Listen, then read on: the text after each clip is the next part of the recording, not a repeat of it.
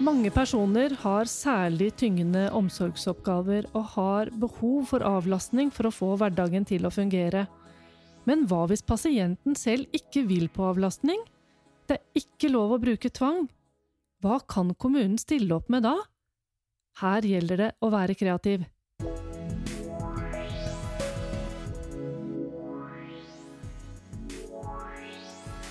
Dette er Veilederpod fra Visma, podkast for ledere og ansatte i offentlig sektor. I dag har jeg fått med meg min kollega Knut Fredrik Tårne i studio for å høre hvilke erfaringer han har rundt dette med avlastning. Knut Fredrik Tårne er jurist og holder mye kurs i helserett rundt om i landet. Kjempehyggelig å ha med deg i studio igjen, og det er veldig lenge siden nå, Knut Fredrik? Ja, takk for det. Jeg er helt enig, det er altfor lenge siden, så det fint å kunne komme tilbake. Men du, jeg tror jeg begynner med å spørre deg, hva er egentlig avlastning? Det er noe som eller pårørende, eller andre som yter omsorg til pasienter og brukere, hvor omsorgsbyrden er stor, de kan ha rett til avlastning. Ja, men hva er et avlastningstiltak, da? Det er noe som kommunen da må tilby til de som har særskilt tyngende omsorgsoppgaver, og det kan være at den de har omsorgen for, kommer i et avlastningshjem, eller får et avlastningsopphold på sykehjem, eller tjenestene kan ytes på andre måter, for eksempel dagsenter og sånne ting. Ja, det er jo ganske vanlig med personer med demens at de er kanskje en dag eller to i uka på et dagsenter. Ja, både personer med demens, men også psykisk utviklingshemmede og andre med, med problemer, da, som krever mye omsorg. Mm. Men hvem er det som kan få avlastning, og når er det man kan be om det? Du sa jo litt om det innledningsvis. Ja, men... altså, det er, det er ikke bare pårørende. Det er ikke bare, bare de som kan søke, det er alle som har en særskilt tyngende omsorgsoppgave. Særskilt tyngende? Ja, særskilt tyngende. Altså det, det skal være noe mer enn at, at du har en tyngende omsorgsoppgave. Den skal være særskilt tyngende, det er lovens krav. Det er vilkår for å kunne få avlastning fra kommunen. Og i det med at det er særskilt tyngende, så vil de da se på hvor stort er dette omfanget av omsorgen som du yter.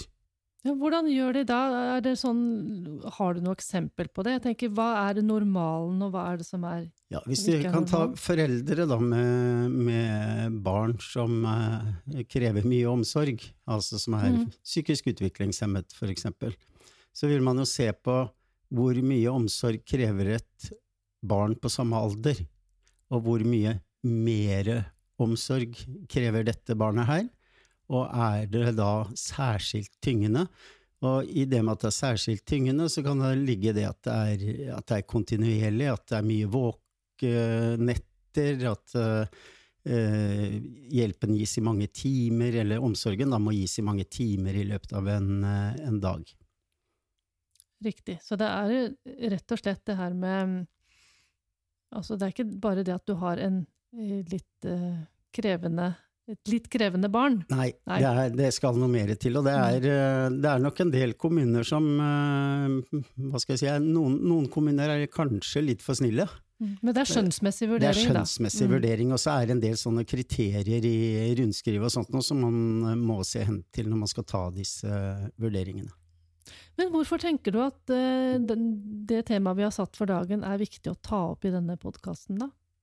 Jo, fordi det som er, er at det er en del utfordringer rundt det. Jeg tenker For det første så er det veldig viktig at de som yter eh, da disse omsorgsoppgavene, får avlastning. Fordi det gjør at de kan stå lenger i, eh, i omsorgen.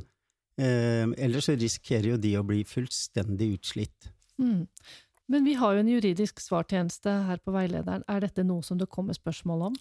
Ja, det kommer eh, spørsmål i forskjellige varianter rundt dette med avlastning. Både da hva som ligger i dette med særskilt uh, tyngende, men også da når det gjelder mer sånn gjennomføringen og hvilke avlastningstiltak man kan benytte, osv.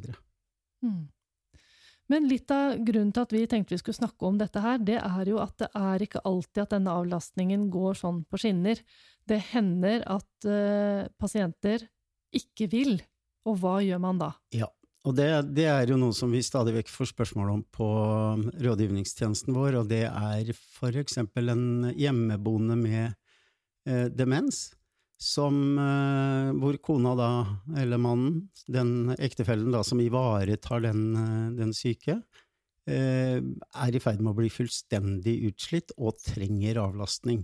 Og så får innvilges det da eksempel en ukes opphold på sykehjem for, for den dem, personen med demens. Eh, og så kommer man, og så skal man hente pasienten og kjøre han på sykehjemmet, og så vil han ikke nekter å være med.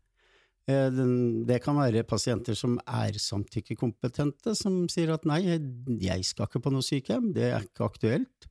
Eller da ikke-samtykkekompetente som, som setter seg til motverge. Ja, Nå tenker jeg at du må bare avklare litt, for nå sier du samtykkekompetent, og så sier du ikke samtykkekompetent. Kan du bare si ja. bitte lite grann om det? Ja, der har vi jo masse fine e-kurs på, på, veilederen, men det, det, betyr Det å være samtykkekompetent betyr at du forstår eh, informasjonen du får, og du kan sette deg inn i den i din situasjon, og så kan du ta et valg. Du kan velge da å si ja takk til det som tilbys, eller nei takk. Eh, hvis du ikke forstår, og ikke kan eh, relatere det opp til din situasjon, da er du ikke samtykkekompetent. Og, og fordi du, du, forstår rett og slett ikke. Og det kan jo ofte være tilfelle med personer med demens, eksempel. Eller psykisk utviklingshemmede. De forstår ikke hva dette går ut på. Men da er jo spørsmålet hvordan skal kommunen løse det? her? For behovet for avlastning blir jo ikke borte selv om pasienten ikke vil være med. Nei, eh, og det er jo helt klart at eh, det er jo en grunn til at det er innvilget et avlastningsopphold, da. Og det er jo at eh, ektefellen trenger sårt i mange tilfeller å få hvilt. Det er veldig slitsomme å, å, stå i disse omsorgsoppgavene mer eller mindre døgnet rundt. Og da må kommunen kanskje begynne å tenke litt annerledes. Noen kommuner er veldig flinke og kreative i disse tilfellene, og dessverre så skjønner jo vi på rådgivningstjenesten vår at uh, noen kommuner går litt for langt i bruk av tvang, for eksempel. Ja, det må du si litt mer om. Ja. Fordi dette her med avlastning, det er avlastning til omsorgsgiveren, sånn at det er altså ja. ikke det som er helsehjelp til en pasient. Nei, altså det, det er det som gjør at man ikke kan bruke tvang i disse tilfellene, fordi de bestemmelsene vi har om bruk av tvang, det er for å gi helsehjelp til pasienten.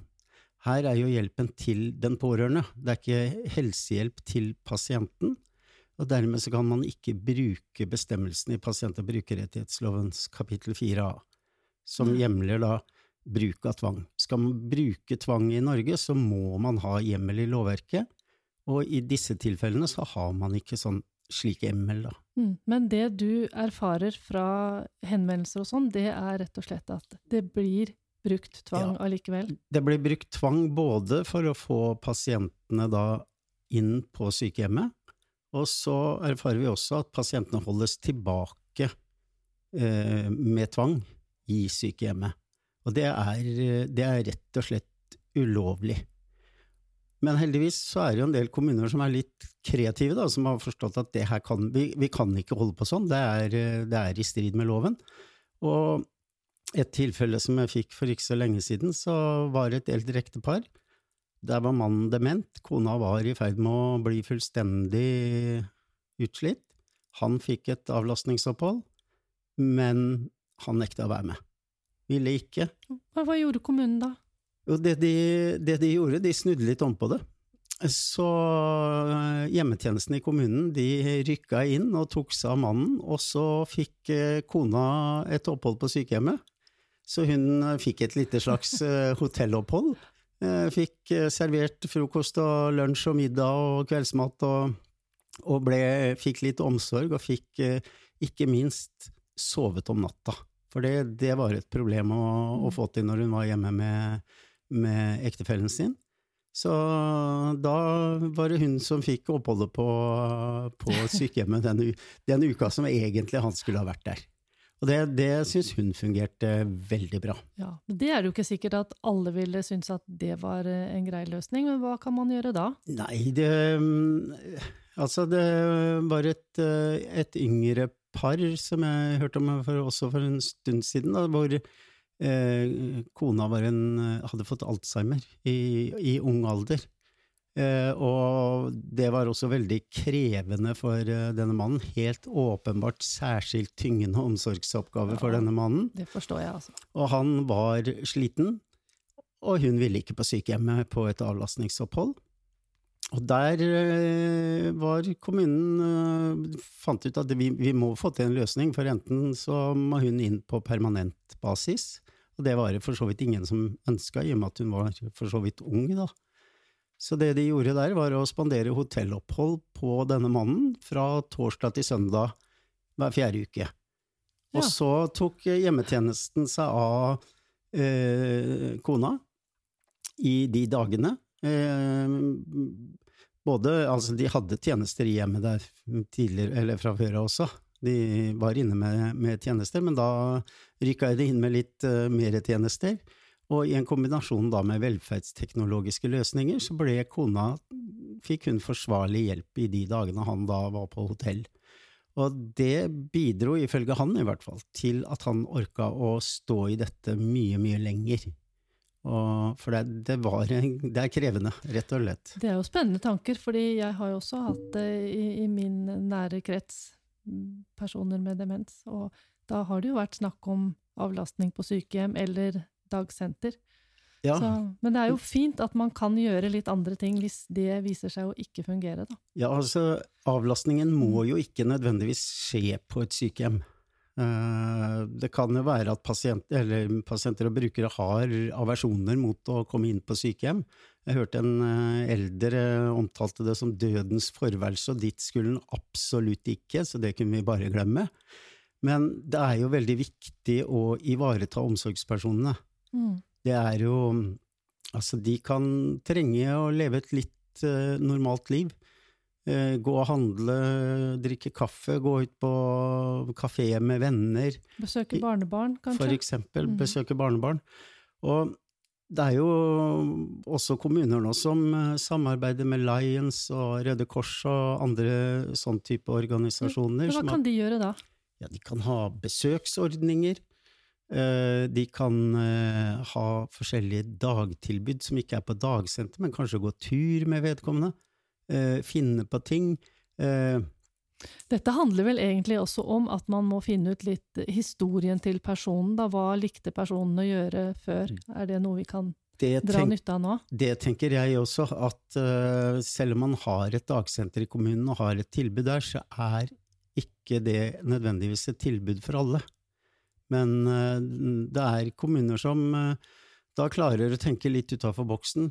Eh, en kommune, der inngikk de et samarbeid med Skytterlaget, som da organiserte noe luftgeværskyting for foreldre, og det var kjempevellykka.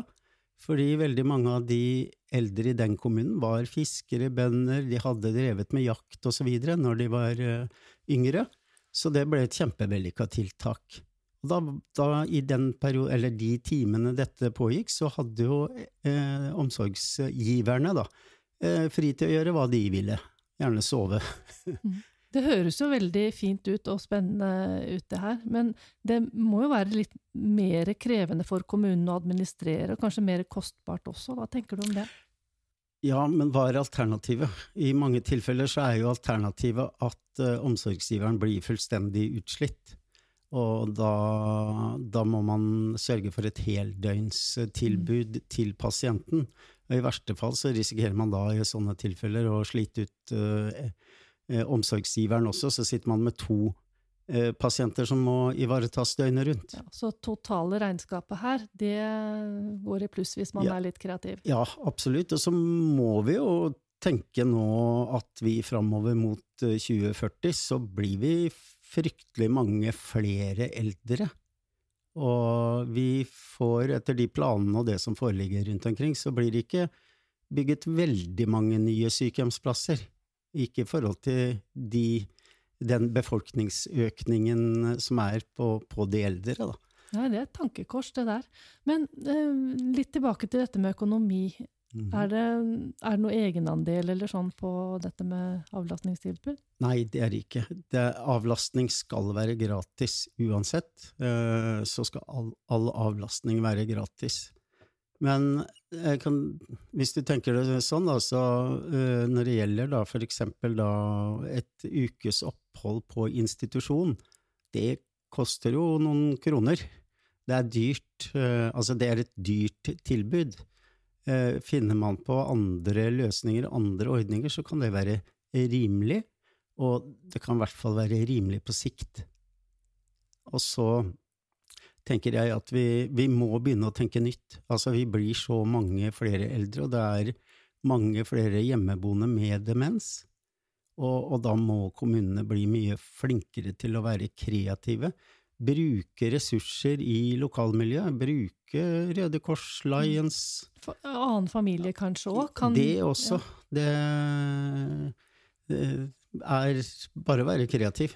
Mm. Men nå har vi snakka egentlig ganske mye om eh, eldre personer, eller ja. personer med demens, men dette her med avlastning gjelder jo også de som har andre typer eh, ja, da, det, tyngende oppgaver.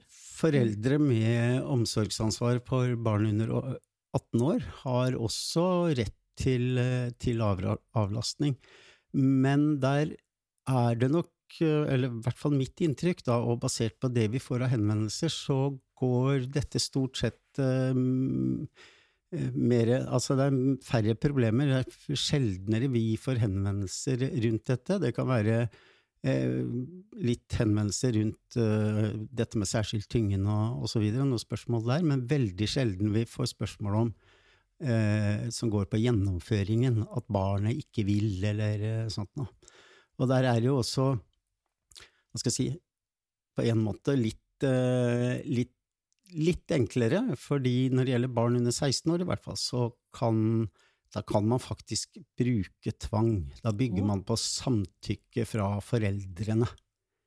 Foreldrene kan samtykke i tvang. Eh, tvangsbestemmelser og sånt som vi har i lovverket, det, og kan bruke i andre sammenhenger, det, det gjelder for uh, de som er over 16 år. I, de som er under 16 år, der bestemmer foreldrene i kraft av foreldreansvaret. Så det er kanskje derfor at uh, vi sjelden får, uh, får uh, spørsmål rundt dette med gjennomføringen. Og så vet jeg ikke om kanskje tilbudene er bedre og annerledes, det skal ikke jeg si for sikkert, men vi får i hvert fall veldig sjelden spørsmål rundt gjennomføringen av avlastning for barn. Ja, det kan jo hende at det er et annet type utbygd tilbud også ja. for det. Men hvis du skulle gi et konkret råd til de som hører på, hva ville du ha sagt da? Vær kreativ. Vær kreativ, ja. Vær kreativ når det gjelder dette med avlastning. Det, altså, det er ekstremt krevende for de som har enten alvorlig syke barn eller, eller hjemmeboende voksne som er alvorlig syke og krever mye omsorg. Eh, jeg har hatt eller min mor, har hatt en hjemmeboende med, med, demens. Og jeg så jo hvor sliten hun var før hun fikk eh, skal se, Før hun fikk orden på et uh, ordentlig avlastningstilbud, så var hun i ferd med å bukke under, rett og slett. Både jeg og min søster ble veldig engstelige. Uh, hun skulle selvfølgelig da ordne opp på egen hånd, stolt dame, men vi måtte trå til litt, og så fikk vi ordnet et Etter hvert da kom, kom, kommunen på banen og ordnet et skikkelig fint avlastningsopplegg. Og det gjorde jo at ektefellen bodde hjemme helt til jeg tror det var de tre siste ukene av livet, hvor han uh, var heltid på, på sykehjemmet. da. Og da tenker jeg da har kommunen egentlig spart masse penger, og ikke minst helsa til mora mi. Ja, Og så handler det jo om verdighet for den som er pasient også, da. Absolutt, og de skal ikke påtvinges ting de ikke, ikke ønsker. Så, så, her gjelder det jo snakke med, snakke med, de pårørende. Hva likte Jo, han likte å gå tur i skog og mark, han likte å skyte med luftgevær, han spilte bowling, et eller annet sånt, og så prøve å finne eh, noe som, som vedkommende kan fatte interesse for. Mm. Veldig kort oppsummert, for nå nærmer vi oss slutten. Det må Mm. være essensen av det du har sagt nå, det at det er lønnsomt for kommunen å finne kreative løsninger for å avlaste de som står i en særlig tyngende omsorgssituasjon. Tusen takk for at du ble med i studio i dag, Knut Fredrik. Ja, takk for at jeg fikk komme hit. Dette er Veilederpod fra Visma, en podkast for ledere og ansatte i offentlig sektor. Og ansvarlig for denne sendingen har vært Lisbeth Storvik Jacobsen, med Knut Fredrik Torne som gjest i studio, produsent og teknisk ansvarlig Magnus Bjørneby.